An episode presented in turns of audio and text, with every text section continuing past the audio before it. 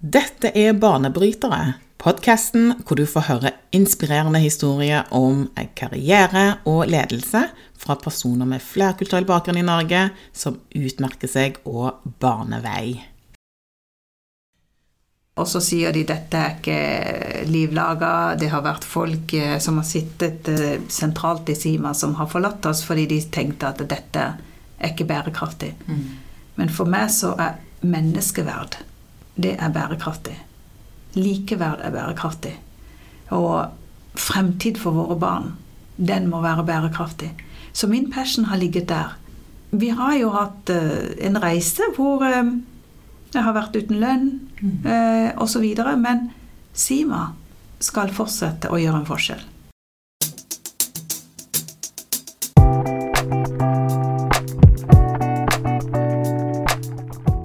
Dagens gjest er Lavlin Brenna, som er grunnlegger av Sima. Hun er forfatter, hun er foredragsholder og pioner på mangfoldsledelse. Hun har en lang karriere bak seg og har ledet det nasjonale foreldreutvalget for grunnopplæringen, Kvinnepanelet for Barne-, og likestillings- og inkluderingsdepartementet og Brenna-utvalget for Kunnskapsdepartementet hun har òg leda komiteen som har utviklet den nasjonale standarden for eh, ledelsessystemet for mangfold. Og i tillegg til flere styreverv har hun blitt tildelt mange priser. Ole Vig-prisen, Norges tøffeste kvinne og Fritt Ords honnørpris. Bare for å nevne noen. Lovnin er en eh, velrenommert ekspert og en go to-person for bedriftsledere som ønsker på alvor å sette mangfoldsledelse på dagsorden og lykkes med det.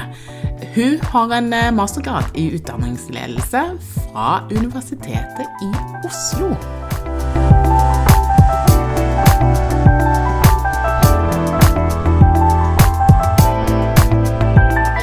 til Banebrytere, Lovelin. Tusen hjertelig takk. Veldig kjekt å ha deg her i dag. Takk for muligheten. Ja, Hvordan går det med deg i dag? Jo, i dag har det vært en fin dag. Snakket mye om det jeg brenner for. Og jeg går fra den ene podkasten til den andre, så i dag er det en sånn podkastdag. Men da har du blitt veldig dreven på dette her, da? Ja, i hvert fall i dag så er jeg veldig isige. ja. Vet du hva, jeg har jo fulgt arbeidet ditt eh, lenge, og det har jo jeg sagt til deg òg, og jeg er veldig fascinert og imponert over det du har fått til. Eh, sånn at jeg har jo sett utviklingen, hvis man kan si det, da, eh, fra sidelinjen. Eh, du har jo bl.a. fått på plass internasjonal sertifisering for mangfoldsledelse. Mm. Du er en forfatter og skrevet flere bøker. Jeg har lest den siste, mm. som er veldig bra. Jeg er nesten ferdig med den. Ja, så bra. Um, og så er du òg blitt en uh, go-to-person uh, uh, for bedriftsledere som ønsker å sette mangfoldsledelse på dagsordenen. Mm. Hva er det som skjer rundt deg akkurat nå? Det som skjer rundt meg, det er jo at det vi begynte med for ti år siden fordi Sima ble jo nå ti år i februar, blir, de, blir vi ti år. Det vi begynte med for ti år siden når det gjelder ledelse av mangfold, eh, utvikle organisasjonskultur som faktisk rekrutterer og utvikler potensialet i mangfoldet. Det som vi en gang var alene om å snakke om, mangfoldsledelse, mangfoldskompetanse. I dag så snakker alle om det. Så, så, det som skjer rundt meg, det er jo at det er veldig mange som snakker om den samme saken som vi brant for. Mm. Eh, og at det er veldig mange bedriftsledere nå som ønsker å lære systemet. Hvordan skal vi jobbe systematisk? Og mange tar jo dette like alvorlig som de tar sikkerhet og eh, kvalitetsledelse eller f.eks. implementering av IT-systemer. Mm. Så det er ikke noe ved siden av nice to have, men det er mer blitt sånn en sense of uh, urgency mm. i mange organisasjoner. Og da, når du da har en eh, ledelse som sier dette er like viktig som det er for oss å satse på sikkerhet, og sikkerhet kan ikke bare være én HMS-avdeling sitt ansvar, alle må ta ansvar, og da trenger vi systemer. Mm. Derfor kommer de til oss.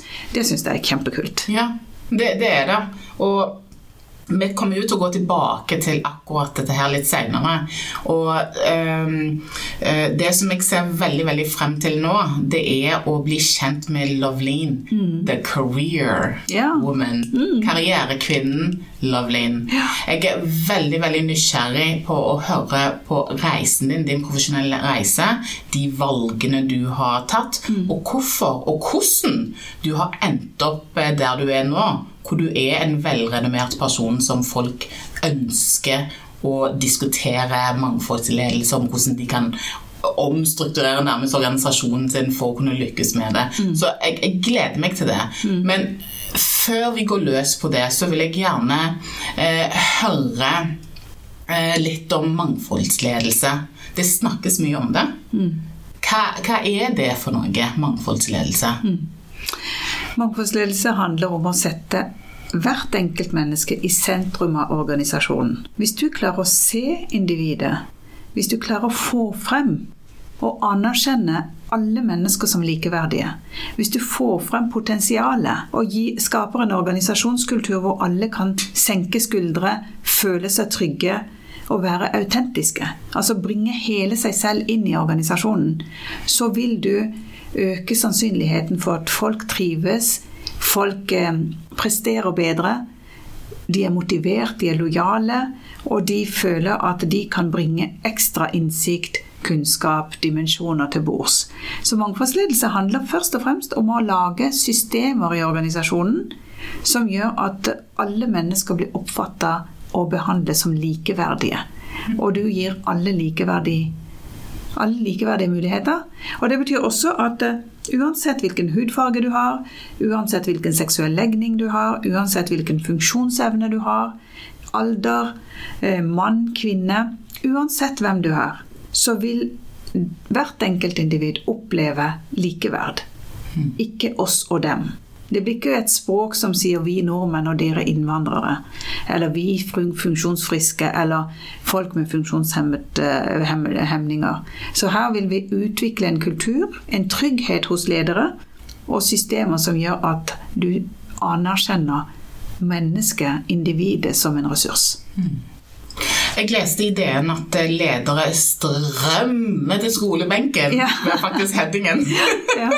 og de vil lære seg å lede mangfold. Mm. Og eh, hvis, sant, Nå har du vært i gamet ganske lenge. Mm. Hvis du skulle ha sagt noe om hvor vi er henne mm. i Norge hva, hva, tenker du i forhold til liksom, bedriftsledere, i forhold til eh, Eh, næringslivet, samfunnet for øvrig, befolkningen. Hva er det som skjer?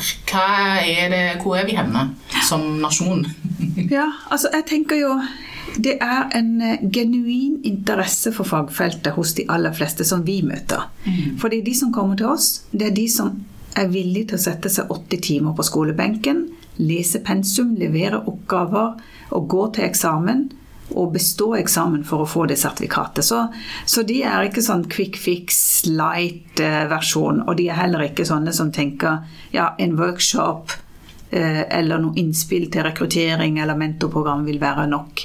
Så, så de tenker organisasjonsendring. Så, så, vi ser at det er veldig mange store og små organisasjoner som har toppledere som setter seg på skolebenken. Ikke bare HR, men da snakker vi om konsernsjefer. Mm.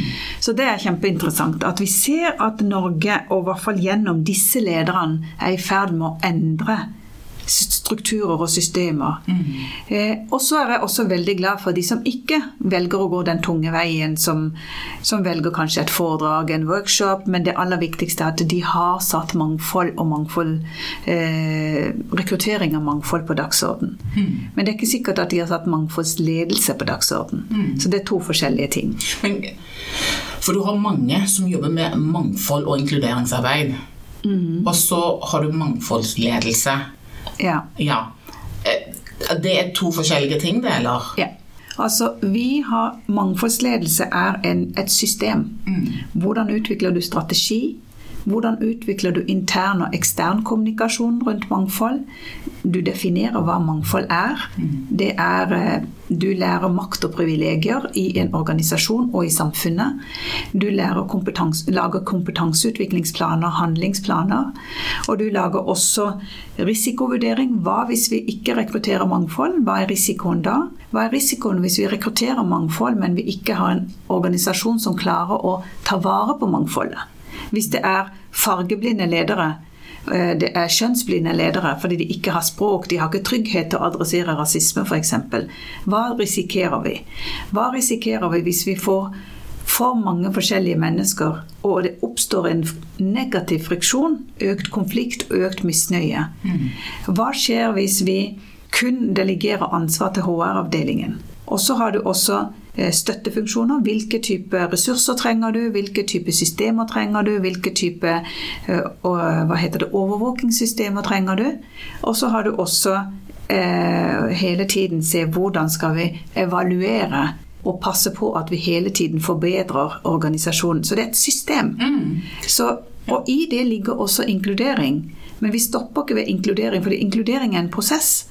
Det, målet for oss er tilhørighet. Alle føler tilhørighet. Så belonging er og, og equity er de endelige målet, ikke inkludering. Inkludering er bare veien til å få den der eh, sense of belonging og equity. Ja. Så mangfoldsledelse handler om hvordan man legger til rette for å lykkes med mangfold og inkluderingsarbeid. Blant annet. Blant annet. Mm. Og det betyr også at du som leder blir kjent med ditt eget mangfold. Du blir kjent med din egen mangfoldskompetanse. Du blir kjent med eh, hvilken verktøykasse og kunnskap trenger du for å bli en trygg, mangfoldsmoden leder. Mm. Og hvordan kan du som leder være proaktiv? Ikke bare for å rekruttere, men også for å adressere ting som skaper eh, maktubalanse. Mm. Du adresserer rasisme. Du adresserer uh, diskriminering. Du adresserer stigma. Mm. Ikke vente til at det kommer en episode. Mm. Men da har du et språk som gjør at du adresserer disse tingene uten at folk føler 'oi, er jeg rasist?' Mm. Men mer 'jeg skal være med på å forhindre at det oppstår episoder'. Og en mangfoldsleder vet også at inkludering for en homofil vil være noe annet enn for en transseksuell. Mm. Inkludering for en kvinne i et mannsdominert miljø som tilhører majoriteten, vil være noe annet enn en kvinne med hijab i det samme miljøet, en kvinne med mørk hudfarge i det samme miljøet, eller en kvinne i rullestol. Mm. Så denne lederen vet at inkluderingsbegrepet må operasjonaliseres avhengig av hvilken type mangfold du har. Det høres veldig stort ut, Loveline. Men det er veldig enkelt når du får det under huden. Ja. Fordi det blir så obvious alt sammen. Du skjønner at ja, selvfølgelig mm. så vil verden se forskjellig ut, avhengig av hvem du er.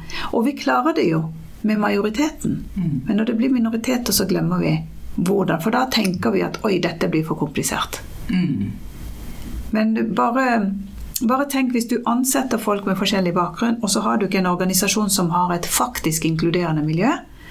Da vil La oss si at det hadde vært en kvinne med eh, hijab, muslimsk bakgrunn, kommer på jobb, og så har det skjedd et eller annet terrorangrep der ute. Eh, I Europa et eller annet sted.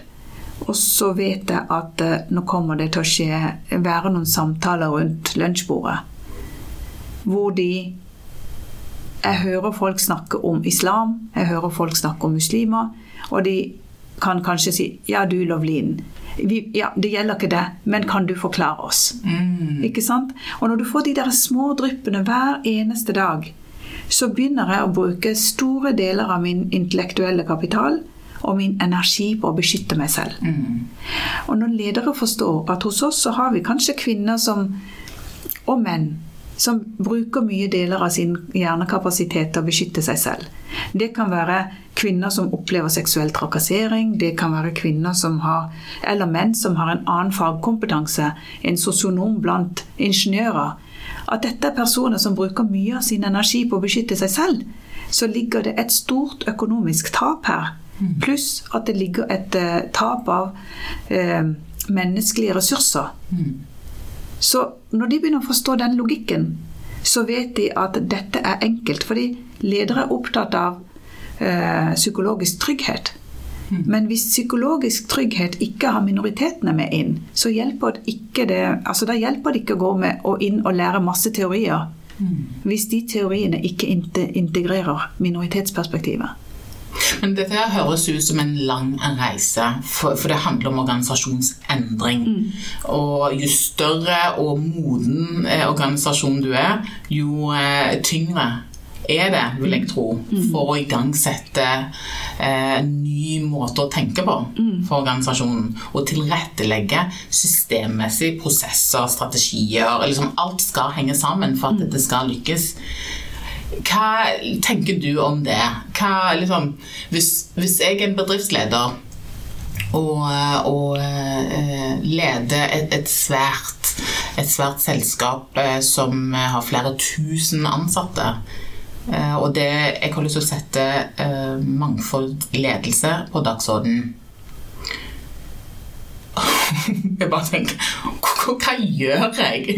Hvor starter man? Hva, hva, liksom, hva gjør du? For dette, det er så stort. Du må skape en bevegelse. Og det, som er, det var jo hovedgrunnen til at vi gikk den lange veien. Jeg valgte å gå den lange veien. Det var mange i mitt nettverk som sa kan ikke du lage en standard, Sima-standard? Kan ikke vi sette sammen? Vi har kontakter i universitetet, vi tenker, kjenner folk her og der. Så hvis vi setter sammen et team, en jury, eh, som kan godkjenne folks eh, kvalifikasjoner, så kan du lage en standard, og så kan du ha undervisning, så sertifiserer vi de. Så får de et SIMA-sertifikat. Og jeg tenker aldri at SIMA skal være den som skal lede dette arbeidet.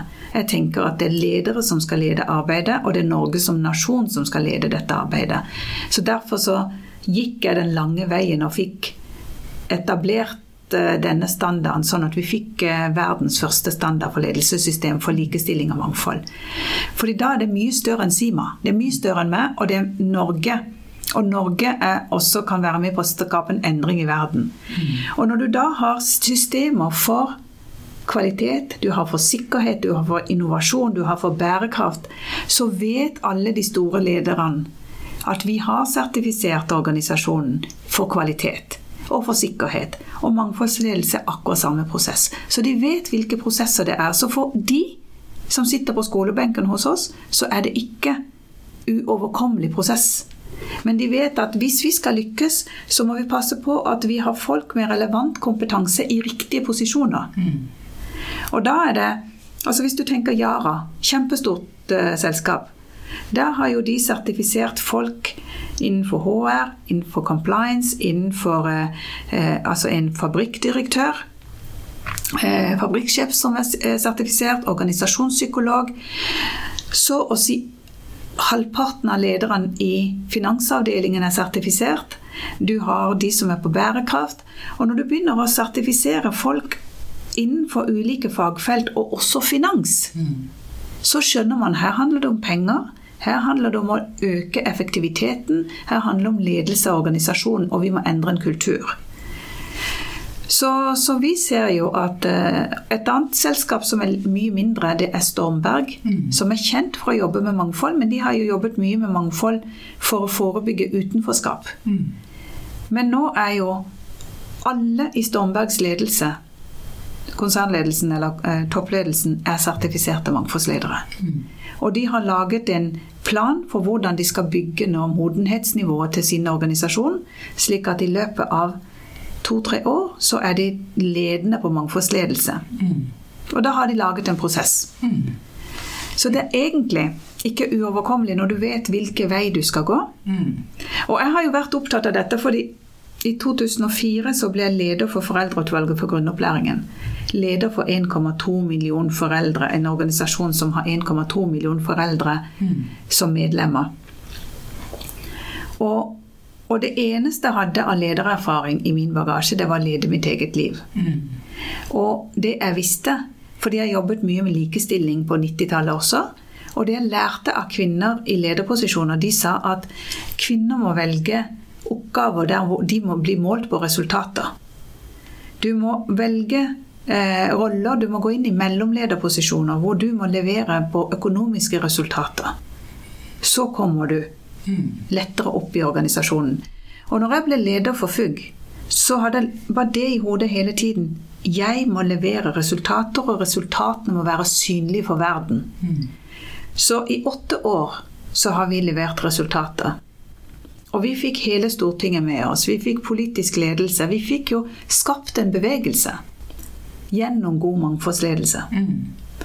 Og da når jeg har kommet dit hvor jeg har kommet, så tror jeg det handler veldig mye om at vi har levert resultater som var målbare. Og folk visste at eh, når man setter noe på dagsorden, så vil det være et resultat som vi vet vil komme. Og sånn er det med mangfoldsledelse også. De som er hos oss, de vet at hvis vi går veien på en riktig måte, så vil vi se effekten. Og her beveger vi oss inn i det temaet som jeg syns er kjempespennende å, å, ehm, eh, å høre, da. Mm. Du er forfatter. Du er en, eh, som jeg sa tidligere, du er velrenommert fagekspert og en eh, changemaker, vil jeg si. Eh, Mover and, Movers and shakers, er ikke det de sier? Men du er en changemaker. Um, hvordan har denne veien egentlig blitt til? Der du er nå, var det alltid planen at du skulle sitte i den posisjonen som du sitter i i dag? Jeg tror, vet du, Claudia, jeg tror at vi som barn har noen leker. Jeg snakka med min mor i går. Og, og, mamma fortalte at når du var liten, du var bare fem-seks år gammel, så pleide du å ta på deg strømpebukser på hodet.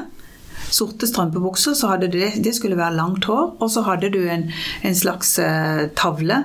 Og så satt mine søsken på gulvet, og så var jeg lærer for dem. Så jeg har alltid sett for meg at jeg skal være en som underviser. Jeg har jo mastergrad i utdanningsledelse, f.eks. Mm. Men den, den der behovet for å lære bort noe eller være med på å skape en endring gjennom undervisning, det tror jeg har ligget der. Eh, og når jeg da begynte å, å jobbe som leder for FUG, eller det var jo et verv, så fikk jeg min første lederjobb. Og jeg tror at hvis vi skal tenke bevegelse, endring, så var det gjennom foreldre, gjennom elever, gjennom rektorer, gjennom forskere. Fordi jeg tror at jeg kan skape størst endring ved å gjøre den endringen gjennom andre. Så når jeg gjør en leder god, så vil den lederen skape en bedre verden for mine barn. Jeg kan ikke klare å skape en bedre verden for mine barn alene. Men jeg kan klare å skape en bedre verden for mine barn når andre ledere skaper en bedre verden. For alle. Så, så, for min, min, del så har min reise vært hvordan kan jeg skape et mer inkluderende samfunn? Hvordan kan jeg skape et tryggere samfunn? Et uh, samfunn som anerkjenner meg som en ressurs. Det har vært viktig nøkkel. At har ikke, jeg har ikke vært opptatt av å skape integrering, inkludering, stakkars mennesker som ikke får jobb. Jeg har alltid hatt fokus på hva er potensialet som ikke blir sett. Mm. Og så eh, italesettere eh, og løfter det frem som ikke bare likeverdig som majoritetssamfunnet, men også noe mer. Mm. Så, så jeg har språket, retorikken, eh, metodikken Alt er ressursorientert, potensialorientert, og er hele tiden fokus på hvordan skape en endring ved å få riktige personer i nøkkelposisjoner. Så når vi hadde et talentprogram for unge jenter med multikulturell bakgrunn med høyere utdanning, så var det et talentprogram. Det var ikke et mentorprogram. Det var mentorer der, men det var talentprogram. Og det heter Sea Talent fordi vi skal se talentet. Så jeg har vært veldig opptatt av hva skal språket være, og hvordan skal vi gå steg for steg for å skape en endring gjennom andre. Mm. Så jeg tror det kan være en sånn suksessfaktor at man hele tiden tenker hvordan skal jeg skape en bedre verden for mine barn, barnebarn? Eh, og når du har fokus på barn og barnebarn, så kan du gå i krig for dine barn. Mm. Men hvis du har fokus på deg selv, så blir den reisen mye mer tung, tyngre, fordi at uh, da klarer du ikke å se de som er større enn deg. Mm. Åh, den var fin. ja. Den var fin. Fordi den reisen slutter ikke. For meg, jeg har barn, jeg har barnebarn, og jeg har en datter på 13 år. ikke sant? Så, så for meg er det sånn Det er de jeg skaper verden for. Mm. Men på hvilket tidspunkt, eller på hvilket punkt gikk det opp for deg at dette, mangfoldsledelse, er det jeg vil dedikere store deler av livet mitt eh, til? Jeg tror at um, i, Det var i 96-97 da jeg jobbet, begynte å jobbe med mangfold, men da var jeg midt oppe i en sånn en livskrise hvor jeg måtte definere mitt eget liv. Og det var jo nå, da begynte det å tenke hvordan skal jeg skape en annen verden for mine to sønner. Det var alenemor med to barn. Så jeg hadde ikke ordet mangfoldsledelse den gang.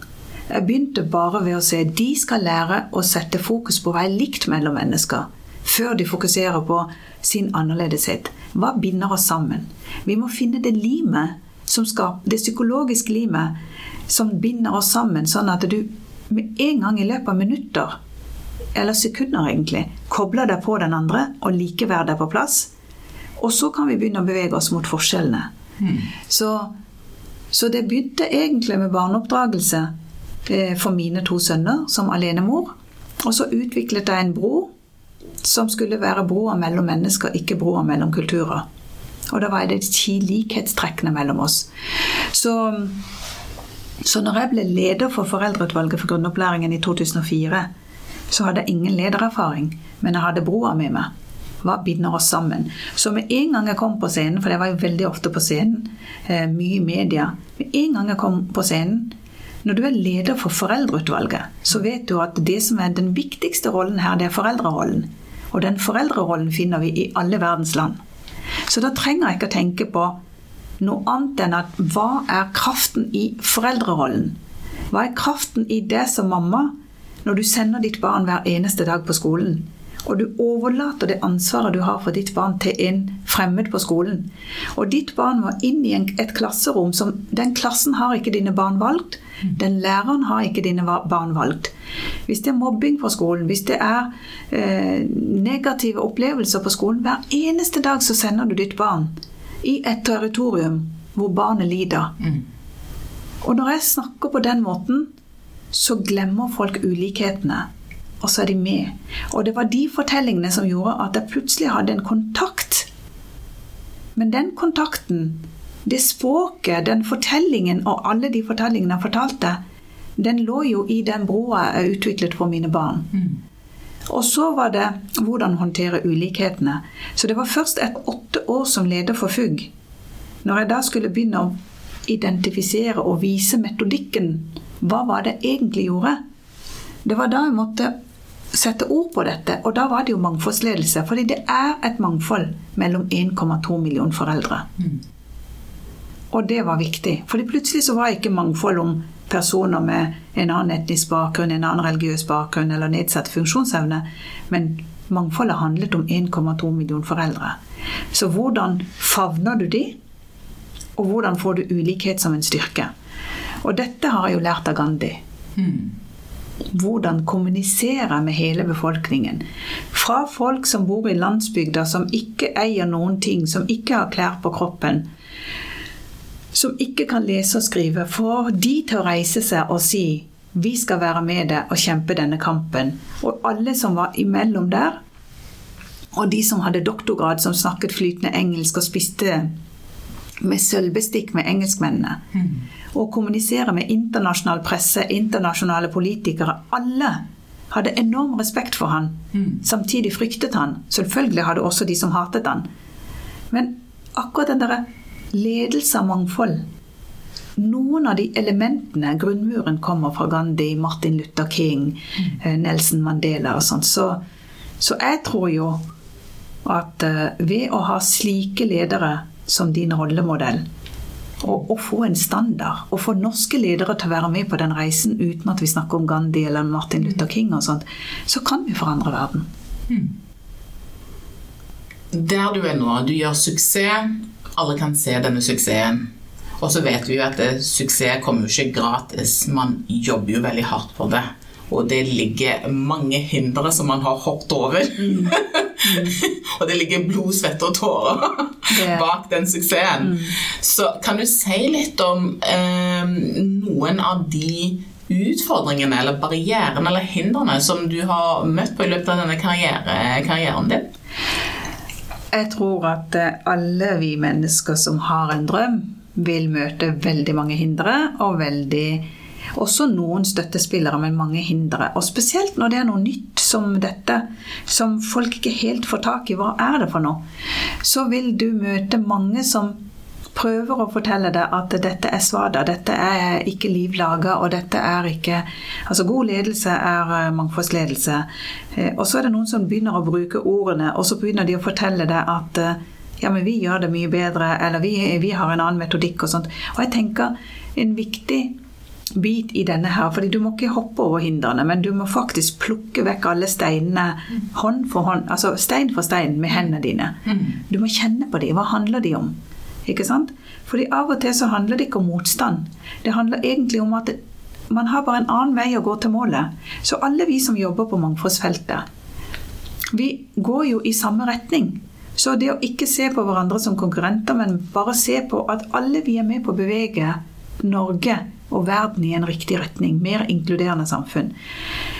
Å komme dit tar tid. Fordi i begynnelsen, når du sjøl ikke er helt klar for hva er det dette handler om, og du begynner å møte motstand, så begynner du også å se at den motstanden I begynnelsen så tror du at den motstanden handler om den personen. Men det er ikke den personen det handler om. Det handler egentlig om at du ikke er ferdig med å, å forstå din egen reise. Mm. Eh, og jeg tror jo at eh, Min viktigste posisjon var jo å ha alle de lederrollene på nasjonalt nivå. Eh, så den, eh, det åpnet mange dører for meg.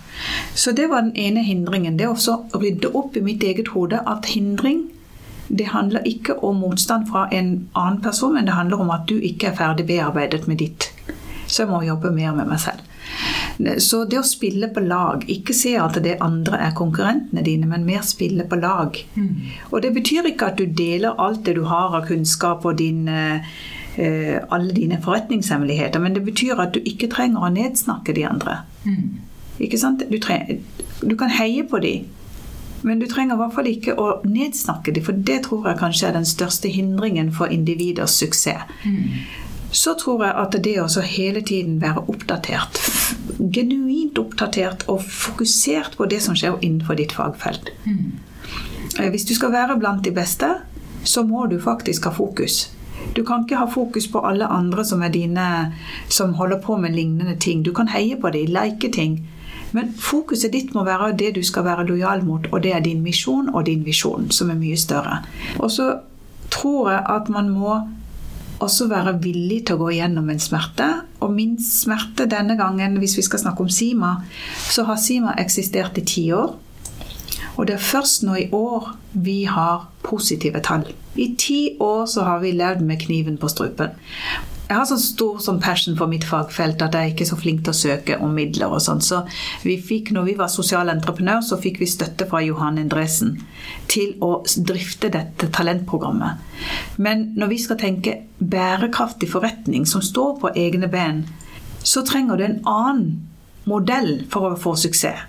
Du kan ikke bare levere på sosiale resultater. Du må faktisk levere på resultater i forhold til forretningsutvikling, økonomi, systemene må være på plass, administrasjonen må være på plass. Så har jeg ikke hatt verken kapasitet eller kompetanse til å søke midler fra Innovasjon Norge osv. Så, videre. så jeg har jobbet veldig mye. Mine kollegaer har jobbet veldig mye. Fordi vi har finansiert alt sjøl. Mm. Så når vi utviklet standarden, eller når jeg satt som leder for den komiteen, så hadde jeg null i honorar. Mm. Så mens alle andre i komiteen hadde faste lønninger, så gikk Sima i tap fordi jeg brukte mange timer, mange dager på å jobbe med standarden. Så, så vi gikk jo, så jeg var jo borte fra jobb og satt og jobb, eh, ledet komiteen gratis. Men den prisen må du være villig til å betale. Mm. Fordi fortjenesten er mye større. Ikke sant? Nå er det sånn at det ligger et rammeverk som gjør at verden kan bli forandret. Men hvordan klarte du også å holde det motet? For, altså for når man starter en business og man ser at altså det, det, det, det krever mye av deg. Det, det, du går i minus. Du, altså, på et eller annet tidspunkt har du tenkt at det, Kill your darlings. Dette her går ikke. Vi kan ikke fortsette med dette her. Jeg har ikke tenkt det. Nei. Men det er mange som har vært med i Sima, som har tenkt det. Og så sier de dette er ikke livlaga. Det har vært folk eh, som har sittet eh, sentralt i Sima, som har forlatt oss fordi de tenkte at dette er ikke bærekraftig. Men for meg så er menneskeverd det er bærekraftig. Likeverd er bærekraftig. Og fremtid for våre barn, den må være bærekraftig. Så min passion har ligget der. Vi har jo hatt eh, en reise hvor eh, jeg har vært uten lønn uh, osv. Men Sima skal fortsette å gjøre en forskjell. Så vi har hatt eh, mange måneder hvor jeg ikke har sovet og så videre. Men eh, jeg visste det ville komme en tid. Vi må bare komme over den der kneika. Du vet, når du er trøtt, du skal du vet, Hvis ikke du sover nå, så du over, bikker du over en kneik, så klarer du ikke å sove, for da våkner du igjen. Så vi kom over den kneika. Og jeg visste at før sola står opp, så er mørket veldig, veldig mørkt. Så det er et tidspunkt der. Så jeg visste at vi må komme til det tidspunktet før sola står opp igjen. Og det var der. Sånn, så jeg har hatt bare sånn Fokuset mitt er, og kommer alltid til å være, på det som er mye større enn meg. Og vi, dette er bare begynnelsen på reisen. Vi skal jo lage en standard som er internasjonal. Ikke bare sertifisering, men internasjonal standard som kan rulles over hele verden. Vi skal gjøre en forskjell, så jeg kan ikke hvile. Du kan ikke hvile. Vil det ta ti år eh, til, eller tror du det vil gå fortere nå? Jeg tror det kommer til å ta ti år til. Fordi at du skal få med deg ganske mange verdens land for å lage en internasjonal standard. Så, men vi har en plan. Selv med, det, selv med det fokuset på mangfold og mangfoldsledelse som vi har nå, så tror du at det vil ta så lang tid? Ja, det er mye byråkrati, det er mye systemer, eh, og vi må overbevise eh, land. Vi må ha med oss visse land for å få utviklet en internasjonal standard. Vi er i gang, vi har en plan, men jeg sier ti år. Og hvis det tar bare tre år, så er det bare en jubel. Bonus. Bonus. Ja. Hva er dine viktigste lessons learned eh, i løpet av denne karrieren din som du har hatt? Ingen, eller jeg kan snakke for meg selv, men jeg tror at eh, min suksess der har jeg utrolig mange som har gått veien før meg. Og jeg ville aldri ha kommet dit hvor jeg kom, er kommet nå, og, og står nå, uten et stort støtteapparat rundt meg. Man tenker ikke over det. Men du har folk som heier på deg. Du har folk som gir deg råd. Du har folk som står ved din side når det er veldig mørkt, og når du holder på å falle. Når du spør om jeg var i ferd med å si at eh, nei, nå gir jeg opp. I de fasene der så har det alltid vært noen som bare du har en kaffekopp og du snakker, du snakker ikke om å gi opp, men du snakker om hva du brenner for fortsatt. Så får du noen som forteller deg hvor viktig det er at du holder på, det du holder på med. Så jeg har hatt mange rollemodeller, jeg har hatt mange veiledere, jeg har hatt mange støttespillere, og det har jeg fortsatt. Når jeg var i en tidlig fase i Sima, og det er fortsatt nå, så har jeg alltid hatt en mann og en kvinne som eh, mine ledestjerner. Jeg har aldri tenkt at kvinner trenger kvinnelige rollemodeller. Jeg har tenkt jeg som leder trenger en leder som har gått veien før meg, og jeg trenger både en mann og en kvinne som forteller meg hvilke steg jeg bør ta. Og jeg får ulik veiledning, og så må jeg ta imot det som passer meg. Så jeg tror at um, hvis vi klarer oss å se at der hvor jeg står i dag Jeg tror ikke jeg definerer meg sjøl som suksessfull. Jeg tenker ikke på suksess som noe Kanskje andre sier at det er overalt, og jeg ser det sjøl nå fordi jeg har holdt litt sånn lav profil. Ønsker ikke egentlig å være så veldig mye i media, men nå er det at det er vi som sitter på den kompetansen, så blir du invitert veldig mange steder. Men for meg, suksess betyr når en leder som går på kurs, sånn som du forteller, at folk begynner å snakke det språket som vi snakker. Folk begynner å vise, uten å nevne Sima, men begynner å gjøre mangfoldsledelse, bruker systemet. Når en leder satt, sier til meg at vet du, når jeg begynte på kurset hos deg, så første dagen så fortalte jeg deg at eh, jeg er så stolt at vi har nå innført anonyme søknader hos oss. Så hadde jeg sagt til vedkommende at eh, Er du sikker på at det er noe å være stolt av? Kanskje du endrer din mening når du er ferdig med dette kurset. Og da husker jeg at vedkommende lo, og så, så sier vedkommende ja, vi får se. Jeg hadde ikke noe tro på det, fordi dette anonyme søknadet var jo kult. ikke sant? Da var du modig. Da skulle du virkelig forandre verden. Og når vedkommende er ferdig på kurs hos oss, så sier, så sier vedkommende den viktigste læringen er at halvveis i kurset så tok jeg bort anonyme søknader, så begynte jeg aktivt å se etter annerledes navn, annerledes universitet, annerledes kompetanse, funksjonsevne. Plutselig så leter jeg aktivt etter mangfold. Fordi at jeg kan ikke fortelle verden at jeg er opptatt av mangfold, men jeg tør ikke å se ditt navn. Og, og om du er mann eller kvinne, så derfor må vi ha anonyme søknader. fordi da kommuniserer vi jo et dobbelt budskap. At vi er egentlig ikke klare for mangfold, men vi skal ha inn mangfold sånn. Så får vi heller få sjokket når du kommer inn. Oi, det var visst en mann! Å, det var visst en mann med mørk hudfarge! Å, fysj a meg! Ikke sant? Så, og det er suksess for meg. oh, det var en mann! det var shit! Og du er brunkitt! Ja. Så, så, så tullete. Så, det kan godt være at det er nøkkelen for noen med anonyme søknader, men eh, det fungerer ikke etter at du har vært hos meg. Ville du gjort noe annerledes i din profesjonelle reise?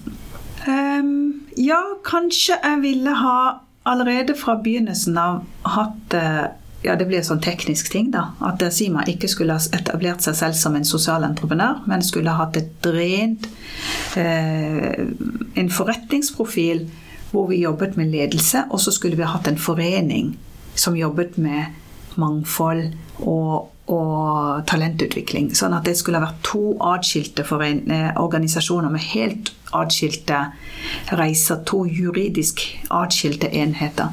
Det gjorde vi i 2016. Og da følte jeg at uh, i seks år så har jeg jobbet hardt med en modell som ikke fungerte for oss. Men samtidig så er jeg veldig takknemlig for alt det jeg lærte også da. Mm. Så i løpet av de ti årene hvor vi har hatt en eh, tøff reise, så har vi jo ut, fått til utrolig mye. Så, så, kanskje når jeg sier nå at jeg ville ha gjort eh, det annerledes, så kan det godt være at jeg ikke hadde sittet her hvis ikke jeg hadde gjort den feilen som jeg gjorde. Nettopp. Og kanskje ikke det er en feil. Mm. Det er en læring. Det er en læring. Men uh, hva er det som har overrasket deg i karrieren? Kanskje dette med hindringer. Jeg, har, jeg, tror jeg har møtt såpass mange rare hindringer i mitt eget liv at hindringer i arbeidslivet ikke har vært så store. Mm. Fordi jeg har prøvd Jeg har klart å håndtere så mye annet privat at uh, når jeg møter en hindring eller en holdning der ute, så klarer jeg å tenke dette handler ikke om min hudfarge, det handler ikke om min minoritetsbakgrunn. Det handler om frykt, det handler om manglende trygghet, det handler om manglende kunnskap. Så min oppgave blir å skape det tryggheten, eh, kunnskapen. Så det er ikke alltid det handler om rasisme, men det handler kanskje om frykten for å miste sine egne privilegier. Og det har jeg klart å håndtere, så kanskje det har vært litt sånn overraskende for meg, meg sjøl, egentlig. At eh, hvordan har jeg klart å, å, håndtere dette? Selvfølgelig møtt av både rasisme og diskriminering. Mm. Men når jeg går ut av det rommet så klarer jeg å sortere sånn at ikke jeg bærer det med meg over tid. Fordi det var en viktig del av min sorteringsprosess. Det er hvis jeg opplever noe negativt, så må jeg bare gå inn i sjokket, gå inn i sorgen, gå inn i smerten. Men så må jeg komme ut av det. Fordi jeg kan ikke gi den personen eller den hendelsen så mye makt at jeg går og bærer på det i måned etter måned. For da har jeg gitt ifra meg makten. Så det å gi folk mindre makt over mitt eget liv. Det har overrasket meg at det også har fungert i forhold til arbeidslivet. Det har også fungert i forhold til folk som eh, kanskje motarbeider, eller eh, som eh, kanskje tenker annerledes. At eh, jeg ikke lar folk få byggerede i mitt hode. Mm. De kan komme innom, sveipe innom, gi meg smerte, for de er fortsatt et menneske, heldigvis, som alle mm. andre i verden. Og så må jeg passe på at de flyr videre, sånn at eh, jeg kan fokusere fortsatt på det som er viktigst for meg. Når du, du snakket om også å ha hjelpere opp gjennom i karrieren. Mm. Det er jo mange som sier at du må ha et nettverk, du må bruke nettverket ditt. Vil du si at det er det samme? Nettverk og hjelpere? Ja, Ja. altså jeg tenker at veldig mange bruker ordet nettverk som noe negativt. Og når jeg var eh, yngre, eh, på slutten av 90-tallet, så var jeg helt alene. Ingen mennesker i mitt liv annet enn mine to barn, egentlig, sånn bokstavelig talt. Og så har jeg fått veldig mange mennesker i mitt liv. Og i 2003 Nei, 4, mai, mars 2004 så var det en svær artikkel i Dagens Næringsliv. Personer med de største nettverkene i Norge. og Så var det bilde av meg, og så var det Kristin Skogen Lund, og så var det en til. Og da visste jeg ikke hva nettverk var. Men jeg hadde jo et eh, stort nettverk eh, 2012 var det ikke 2003.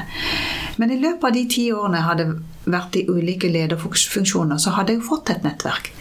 Fordi når du jobber som leder på nasjonalt nivå, når du leder NOU, når du leder kvinnepaneler, når du sitter i styrer og sånn, så får du et stort nettverk.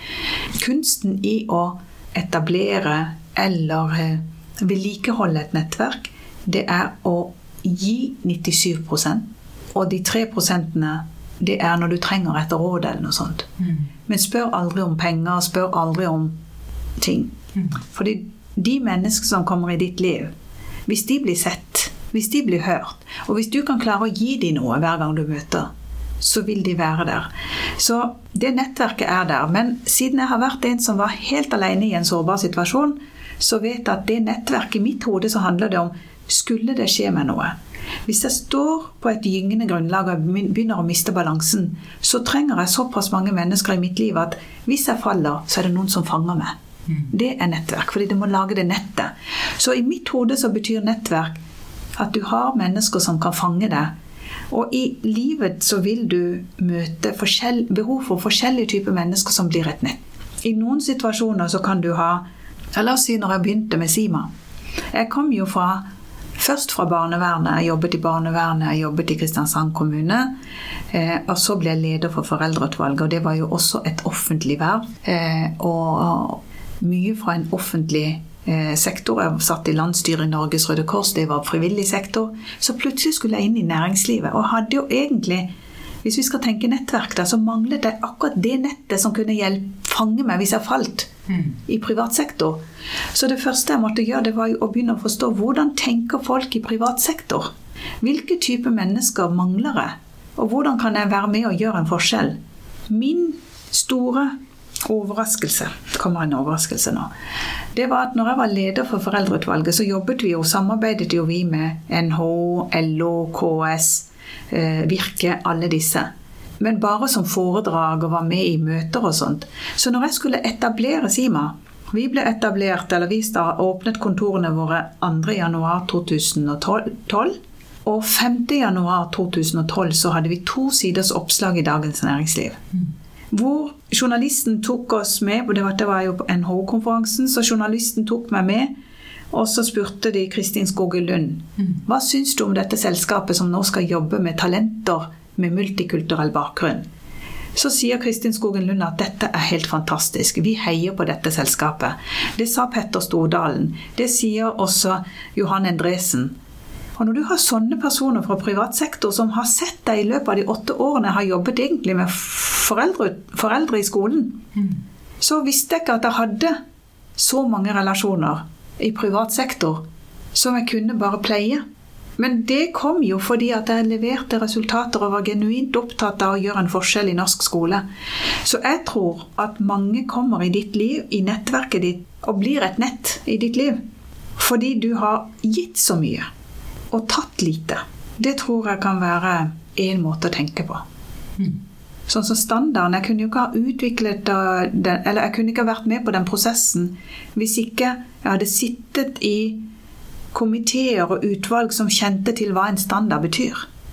Og når jeg sa til folk når jeg var i møter jeg har lyst til å gjøre en forskjell, jeg har lyst til at noen sier at vi må begynne å sertifisere ledere og sånt, og lage en standard, jeg har aldri lagd en standard, så sier de ja, men ta kontakt med Standard Norge. De vet hva standard er. Og når jeg da kommer der, så tenker jeg hvorfor skal Sima lage? Hvorfor kan ikke Norge som nasjon lage og markedsføre det over hele verden? Men det var jo fordi noen i mitt nettverk visste om Standard Norge som jeg ikke visste om. Så jeg tror vi må se på nettverk som det nettet som er der når du trenger hjelp. Men i mitt liv så handler hjelp om råd. Ikke så mye om koble med her og der eller, eller eh, finansiering, men mer hvordan kan vi skape en annen endring. Og så er det veldig mange som ligner på meg i mitt nettverk. da. Gjør det det? Ja, for det er ikke, for det er veldig mange som ikke er i privat sektor, eller eh, Altså, vi er, kommer fra forskjellig bakgrunn, forskjellig utdanning. Noen med høy utdanning, noen eh, som ikke har maktet å gå på skole. Men ett ting som vi har til felles, eller én ting som vi har til felles, det er menneskeverd. Og menneskesyn. Og det gjør en forskjell. Noe i det nettverket binder oss sammen. Hva er neste steg for Lovelin? Det var et godt spørsmål. Jeg tror at mitt neste steg Eller jeg tror ikke, jeg vet, for nå er jeg jo eh, over 50 år. eh, Bestemor. Mitt neste steg er å få en så god stab her i Sima at jeg kan begynne å jobbe med litt mindre og bare med fag. Nå har vi fått en daglig leder, så jeg har jo ingen ansvar for verken økonomi eller personalansvar, og sånn, så det er kjempedeilig. Så nå kan jeg fokusere på fag. Og da kan jeg også tillate meg å ta litt mer fri. Og ta mer, enda mer vare på mine barnebarn og familie og foreldre som er begynt å bli gamle. Så, så nå vil Lovlin være menneske-Lovlin og mindre karrierekvinne. Det høres veldig bra ut. Bra jobba, Lovlin. Tusen, tusen takk. Og tusen takk for praten. Bare hyggelig. Takk for invitasjonen.